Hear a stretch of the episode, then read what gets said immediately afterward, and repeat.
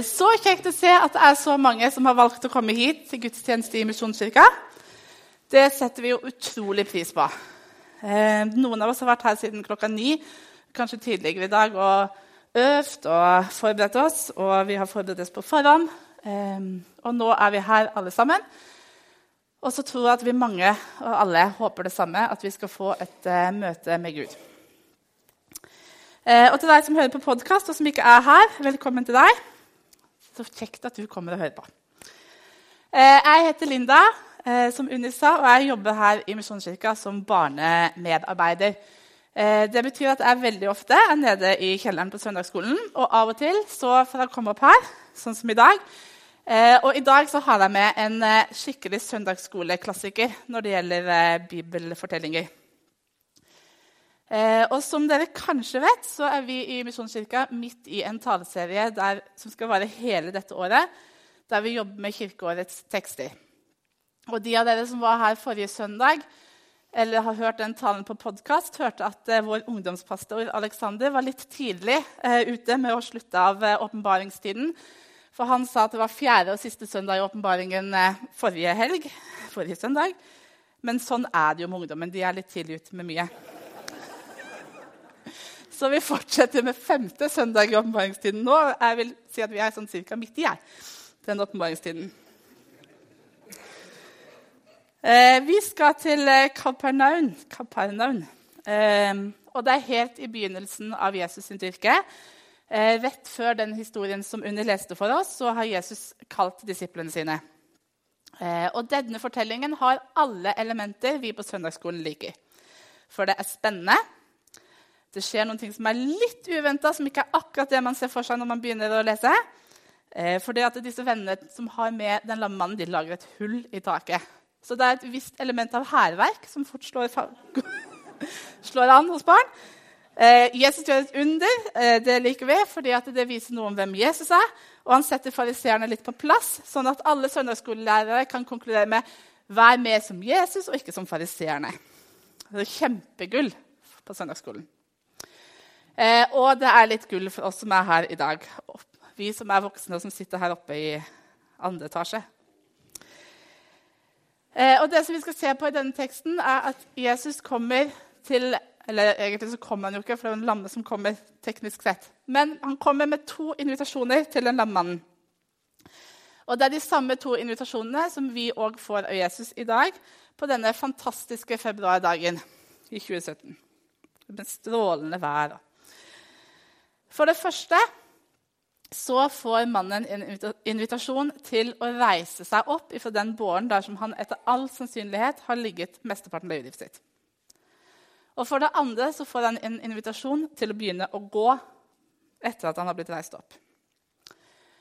Og Det er det vi skal snakke om i dag. Gud inviterer oss til, Jesus inviterer oss til å reise oss eh, og til å gå. Eh, til å få tilgivelse, til å få en ny start og til å gå på det. Og det må jo være lov til å si, når du leser denne teksten her eh, Og når Jesus svarer den lamme mannen med dine synder er tilgitt, så er det et aldri så lite lott-twist. For det er ikke det vi forventer. Hvis du har lest litt mer enn de første sidene i Bibelen, så har du en god forståelse av hvordan Jesus under fungerer. Det kommer noen til Jesus som har et problem, og Jesus fikser det. Du er blind, du får syn igjen. Du er lam, du begynner å gå. Du har en blødesykdom, du slutter å blø. Du blir båret til Jesus liggende på en båre. De lager hull i taket og fyrer deg ned. Du får dine synder tilgitt. Det er jo ikke helt det vi ser for oss skal skje her. Det er iallfall ikke det jeg ser for meg skal skje. Og det er kanskje ikke det som er helt behovet til den mannen som ligger på båren ved første øyekast. For det som skriker til oss som det store behovet, er jo at den lamme mannen er nettopp lam. Han trenger å kunne gå. Og så vet vi ikke noen ting om hvordan mannen som ligger på båren, eller de vennene som nettopp har lagd et sånt koselig lite takvindu eh, i dette huset, reagerer. Men vi vet at det er noen der som reagerer. Fariseerne, de skriftleide, de som vet hvordan dette skal foregå. For de vet at det fins bare én som kan tilgi synd. Og det er ikke en nabogutt som bor borti gata. Det er ikke en tømrers sønn fra Nasaret. Det er ikke Jesus. Det er Gud som er den som kan tilgi synd. Mennesker kan ikke tilgi synd. Gud kan. Og hvis du lurer på hvorfor denne teksten er en av tekstene i åpenbaringstiden, så kan du slutte å lure. For det er derfor. Det er fordi at I denne teksten så åpenbarer Jesus noe om hvem han er, nemlig at han har makt til å tilgi synd. Og jeg vet ikke med deg, eller dere, eh, hva dere syns er enklest. Om det er å tilgi noen noe som de har gjort mot deg, eller å helbrede noen som er syke. Kanskje du tenker at dette er et rart spørsmål. For for min del eh, og for oss som mennesker så er det jo helt klart enklest å tilgi noen som har gjort noe galt mot deg, enn å gjøre noen som er syke og friske. Og vi lærer det utrolig tidlig som barn. Dette med det samspillet, sosiale samspillet mellom at man har gjort noe som blir feil, og så sier man unnskyld, og så blir på en måte alt bra igjen. Og For mange barn så fungerer det nesten som et sånn frikort. Er sånn, 'Jeg har lyst på den kaken.' Jeg spiser kaken og sier unnskyld, og så går det fint. Eh, for det er enkelt for oss.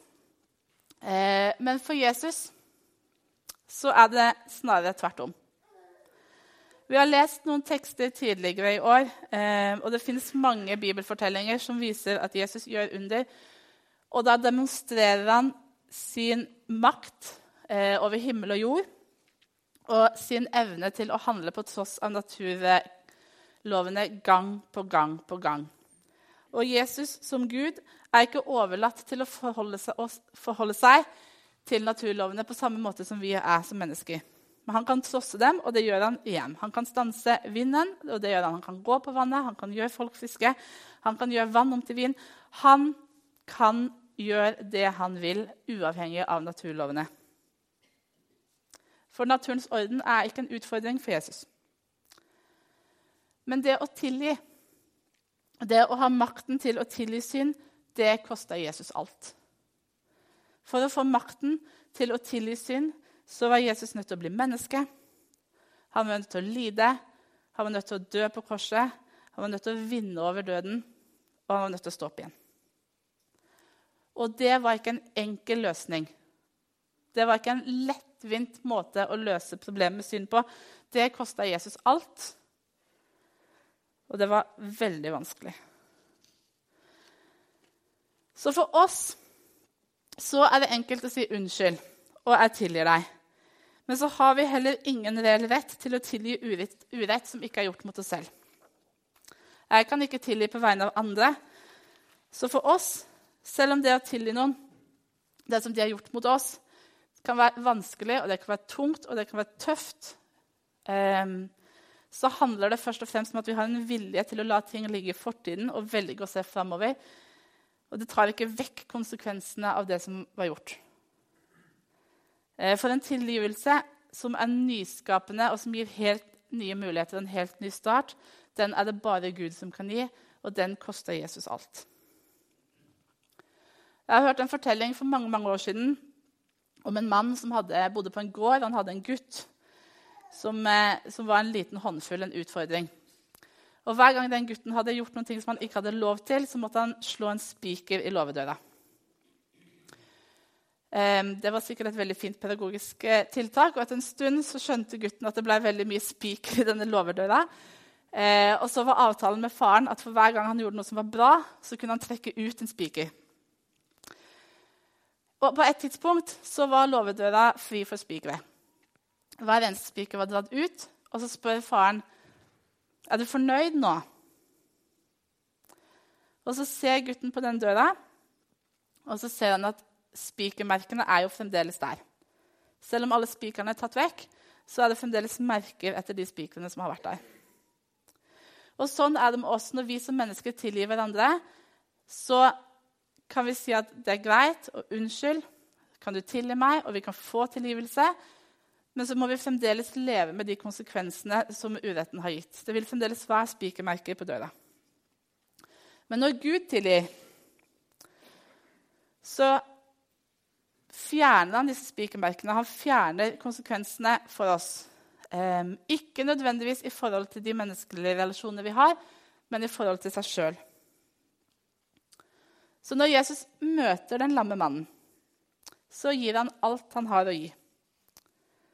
For den lamme får både det han har bedt om, og får føleligheten i beina igjen. Og så får han det han virkelig trenger. En ny start med Gud. Og det er det som virkelig teller. Så når Gud ser på han etterpå, så ser han ikke lenger synden, skammen, nederlagene. Hver eneste gang livet har gått i stykker. Hver eneste gang han har sagt noe som han ikke burde si. Hver gang han har gjort noe som han ikke burde gjøre. Og hver gang han har tenkt noe som ikke burde vært tenkt. Paulus skriver i Romerne Den som har gjerninger å vise til, får lønn etter fortjeneste, ikke av nåde. Men den som ikke har det, men som tror på Han som rettferdiggjør den ugudelige, blir regnet som rettferdig fordi han tror. Slik priser også David et menneske som salig når Gud regner det som rettferdig uten at det har gjerninger. Salige er de som har fått sine lovbrudd tilgitt og sine synder skjult. Salig er det mennesket som Herren ikke tilregner synd. Salig er det mennesket som Herren ikke tilregner synd. Har dere hørt på det? For ved troen så får vi del i den nåden og den rettferdigheten og den tilgivelsen som Jesus kjempet så hardt for å vinne på Golgata. Og så blir vi et av de menneskene som når Gud ser på oss, så ser han ikke konsekvensen av den synden vi har gjort, men han ser den rettferdigheten som Jesus har vunnet. Og vi er et menneske som Herren ikke tilregner synd, for det har ikke konsekvenser lenger for vårt forhold til Gud. Og det er det Jesus tilbyr en helt ny start og få lov til å reise seg opp. Og det er det vi trenger. Det er rett og slett det vi trenger, å få en ny start sammen med Gud. Og den troen som Alexander definerte så fint forrige søndag, som ikke er en prestasjon Det er ikke noe du må klare å levere, noe som du må prestere for å få del i det. Men det er å innrømme sin egen mangel på prestasjon og ha tillit til at Jesus' sin prestasjon holder. Så kan vi selvfølgelig ha mange andre behov òg som vi vil ha dekka. Sånn som den lamme mannen som trengte å få føleligheten tilbake i beina. Og så kan vi kjenne at vi trenger helbredelse. At vi trenger hjelp med sorg.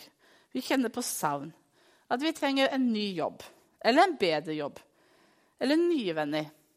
Eller bedre venner. Eller at vi trenger hjelp i de relasjonene som vi har, enten som foreldre, som i parforhold, vennskapsrelasjoner. Så mange ting og mange behov vi kan kjenne på. Eh, og disse behovene har Gud òg omsorg for. Og de kan vi òg få lov til å komme til Gud med.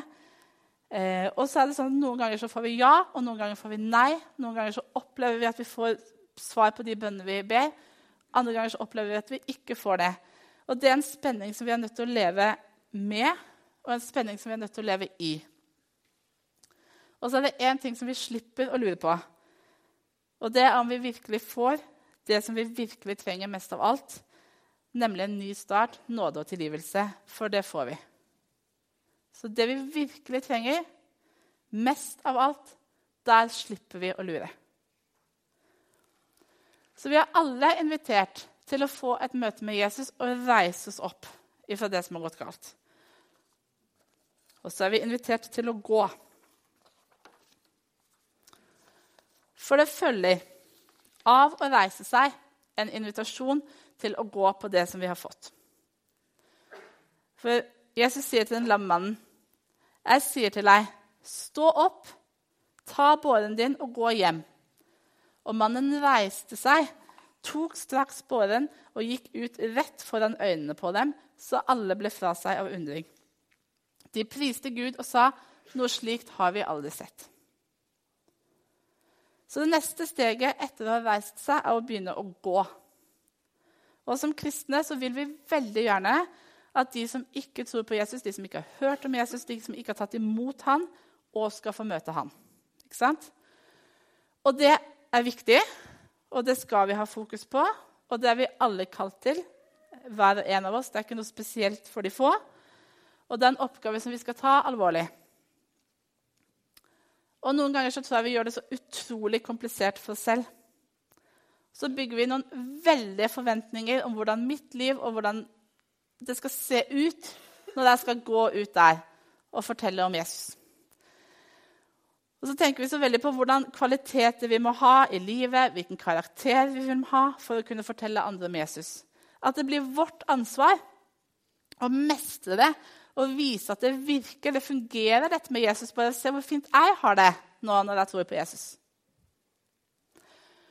Og Hvis man først har begynt å tenke den tanken, så blir det så veldig lett å tenke den neste tanken, nemlig at dette er ikke for meg. For det er så veldig stort gap mellom hvordan jeg opplever at mitt liv er, og hvordan jeg tenker at det må være før jeg kan gå på det. At det må være for noen andre.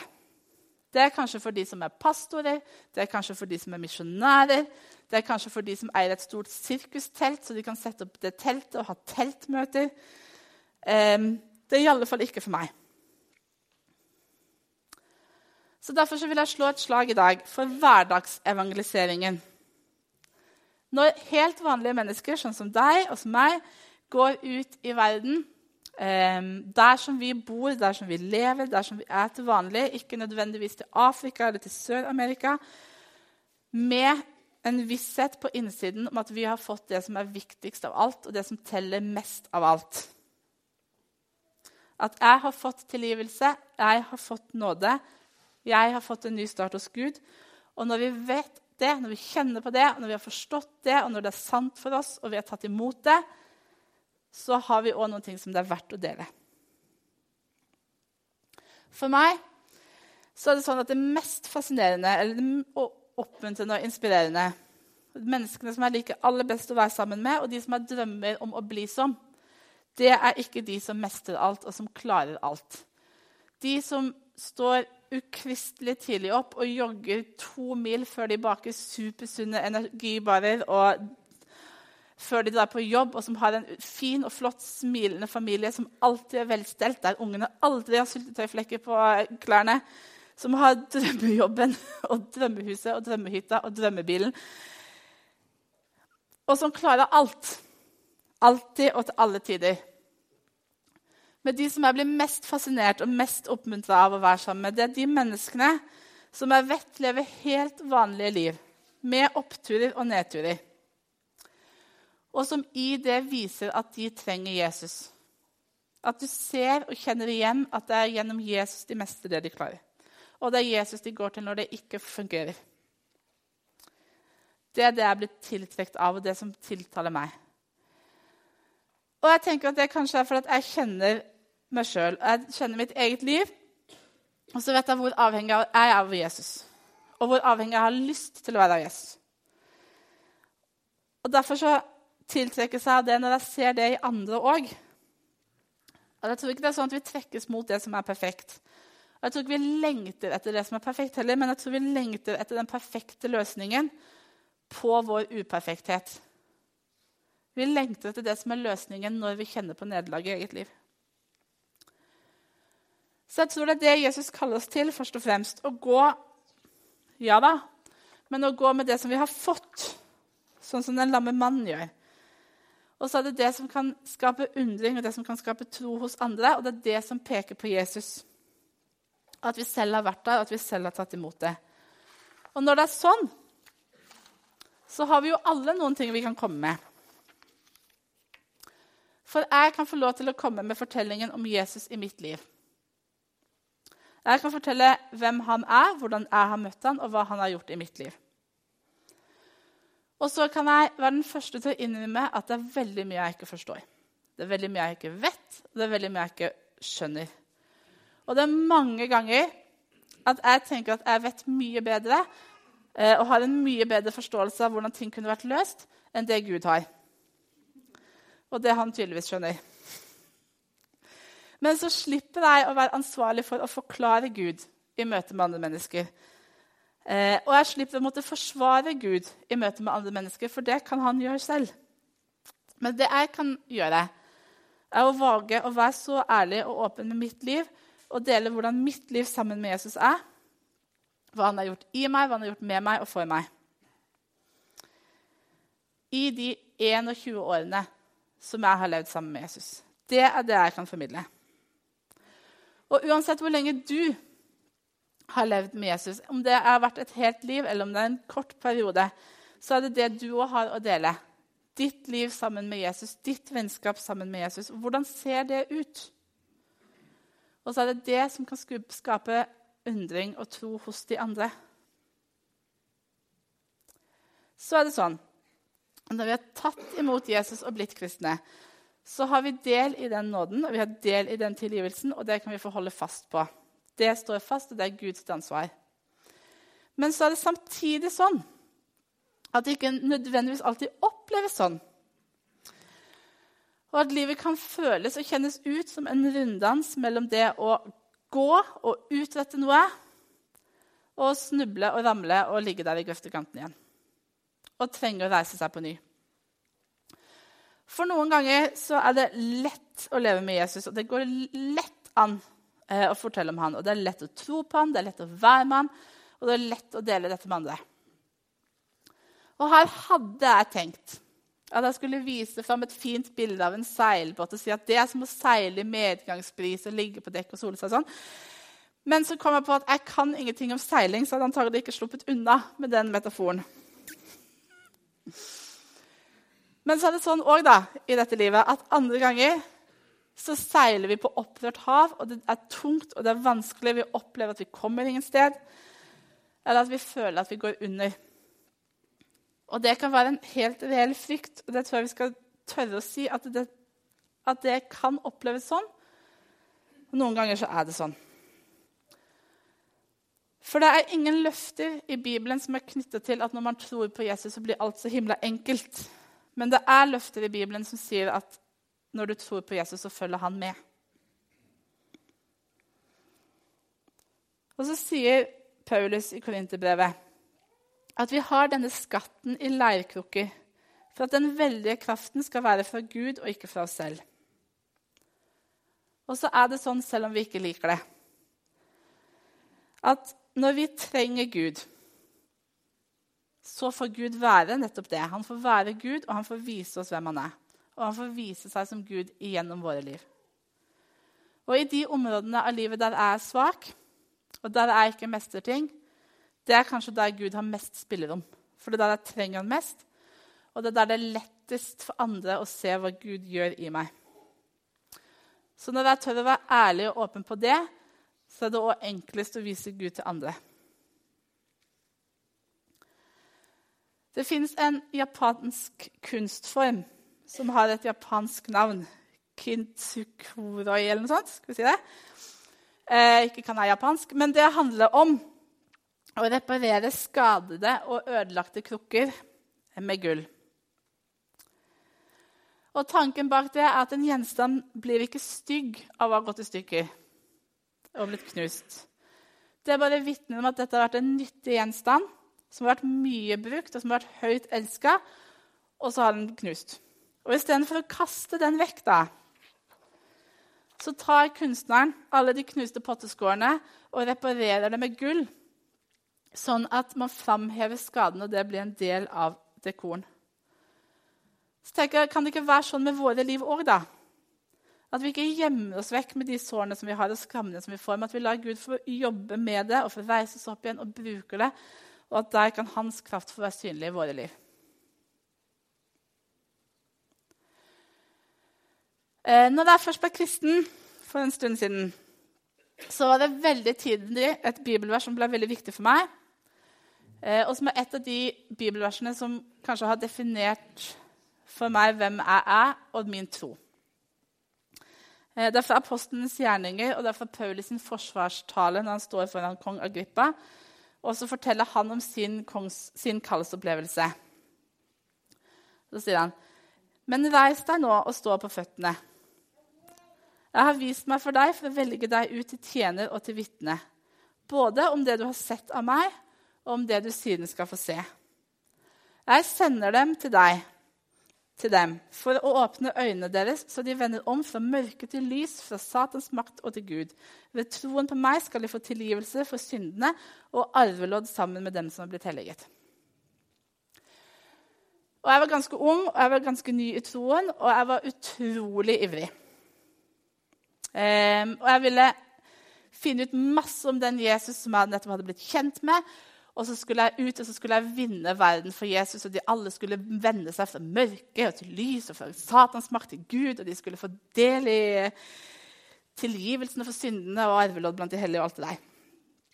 Eh, for jeg hadde en sånn tydelig opplevelse av selv å bli møtt av Gud eh, og ha fått denne tilgivelsen og fått den nye starten, og så skulle det på en måte deles med alle. Så er det sånn da, i livet at noen ganger så går det ikke sånn som man tenker. Og så har jeg krasjlanda i virkeligheten mange ganger. Og den største og den kanskje lengstvarende gangen eh, var altså etter at jeg hadde jobbet i menighet i Nord-Norge. Eh, og jeg hadde studert teologi på Ansgar i mange år og var sikker på at jeg skulle jobbe som pastor eh, i en menighet i Nord-Norge eh, og vinne Nord-Norge for Jesus. Hele Nord-Norge. Og så, eh, nesten over natta, mens jeg holder på med en mastergrad på Ansgarskolen, så våkner jeg opp og tenker at nei, dette har jeg ikke lyst til å gjøre. Jeg har ikke lyst til å jobbe med menighet. Jeg liker ikke menighet. Jeg har ikke, egentlig ikke lyst til å være med Gud lenger. Jeg liker han ikke. eh, og så kan jeg le av det nå, og så er det greit at dere ler. Og så var det jo ikke så gøy den gangen. Det var jo kjempeille. Eh, for jeg hadde jo brukt hele livet mitt fra jeg ble kristen som 13-åring, på å tenke at jeg skulle jobbe i menighet. Og det var det som definerte meg eh, og troen min. Og når det ikke lenger var sånn, så var det jo ingenting annet som holdt fast. Eh, og jeg var kjempeskuffa over meg sjøl. Eh, enda mer skuffa over Gud.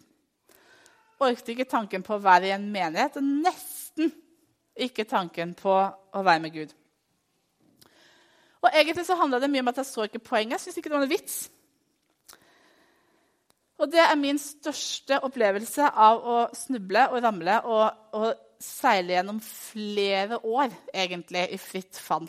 Nok til å ta en helt ny utdanning for å jobbe med noe helt annet. Og jeg tror nå da, i etterkant at dette kanskje var en form for eh, tenåringsopprør eh, i forhold til Gud. Kom bare litt seint, men det er noe så. Um, fordi at jeg litt tidlig hadde opplevd at var, min tro handla mye om at jeg skulle prestere og at jeg skulle levere noe. Gud hadde kalt meg til å være et vitne for at andre mennesker skulle, andre mennesker skulle vende seg fra, fra mørke til lys og alt det der. Og så var det det det handla om. Og så har det vært en kjempelang vei og en prosess å komme tilbake. Eh, og en opplevelse av å få lov til å bli reist opp igjen og bli satt i gang med å gå. Noe motvillig, kanskje. Um, og så har jeg i perioder vært helt sikker på at Gud kunne umulig elske meg lenger. Og så har han vist meg gang på gang at jo, men han gjør det. Og så har jeg vært like overbevist om at Gud kan ikke bruke meg lenger. Og så har han vist meg gang på gang at han kan det. Og så skal jeg ikke stå her og si at jeg ønsker at eller at jeg er takknemlig for at dette har skjedd, og at jeg på en måte syns det var helt fantastisk. For det var det ikke. Men jeg er veldig takknemlig for resultatet. Um, for nå har jeg erfart at gjennom alt dette så har Gud holdt meg fast. Og gjennom alt dette så har Gud vært trofast i mye større grad enn det jeg visste før. Og så vet jeg mer om nåde nå enn det jeg gjorde før. Jeg vet mye mer om tilgivelse nå enn det jeg gjorde før. Og så er jeg sikker på at eh, fremdeles ung, eh, tenker jeg, vil komme nye fall og nederlag. Jeg er jo ikke ferdig med det nå. Men så er jeg litt tryggere og litt stødigere i troen min nå. Så kanskje det er det enklere neste gang. Og hvis ikke, så tenker jeg at Gud har vist noe av seg nå Han har vist sin trofasthet, som jeg kan stole på neste gang det er vanskelig. Så er det sånn at jeg tenker at det er Jesus som har vist seg for meg. Og det er hans ansvar å gjøre. Og det er han som har valgt meg og dere til tjenere og til vitne. Og det er hans ansvar. Og det er han som har vist oss det vi har sett, og det er han som har lovt oss det, at vi skal få se mer. Så det er òg hans ansvar. Mitt ansvar og mitt mulighet det er å fortelle om min historie med Jesus. Det kan jeg dele. Og så er det faktisk Jesus sitt ansvar å skape tro i andre menneskers liv også. Det er heller ikke på oss. Så skal vi feire nattverd i dag. Og Da kan vi bruke nattverden til å svare på de to invitasjonene som Jesus møter oss med. På en helt konkret måte så kan du få komme fram her og få brødet og vinen og ta imot det Jesus har gjort for deg. Kan få ta imot frelsen, nåden, tilgivelsen som Jesus har vunnet så utrolig dyrekjøpt på Golgata. Og som han ikke holder igjen. Som han veldig villig gir. Uansett hvordan du føler at du har rota det til, så er dette for deg. Og så kan du få komme fram og vite at nattverden òg er et bekjennelsesmåltid. Der du når du tar brødet og vinen, sier at Jesus, jeg tror på deg, og jeg tror at det du har gjort, er nok. Og jeg ønsker å gå på det som du har gjort for meg. At du er en av de som har tatt imot av det Jesus gir, og som handler på det. Så uansett om du kommer for å få og ta imot og reise deg, eller du kommer for å få et reisemåltid på veien ut, så er min oppfordring å komme og si at nattverden i dag, den er for deg. Så når vi kommer dit, så kom fram. Skal vi be. Kjære Jesus, jeg har lyst til å takke deg for at eh, du åpenbarer for oss hvem du er. Og jeg takker deg for at du viser oss at du har makt til å tilgi synd. Og du har lyst til å tilgi synd. Jeg takker deg for at når vi kommer til deg med våre ødelagte liv, så får vi ta imot av din nåde, av din tilgivelse, og så setter du oss i stand, og så sender du oss ut. Jeg takker deg for at det er sånn, og takker deg for at vi kan få tro det. Og jeg takker deg for at vi kan få leve i det. Amen.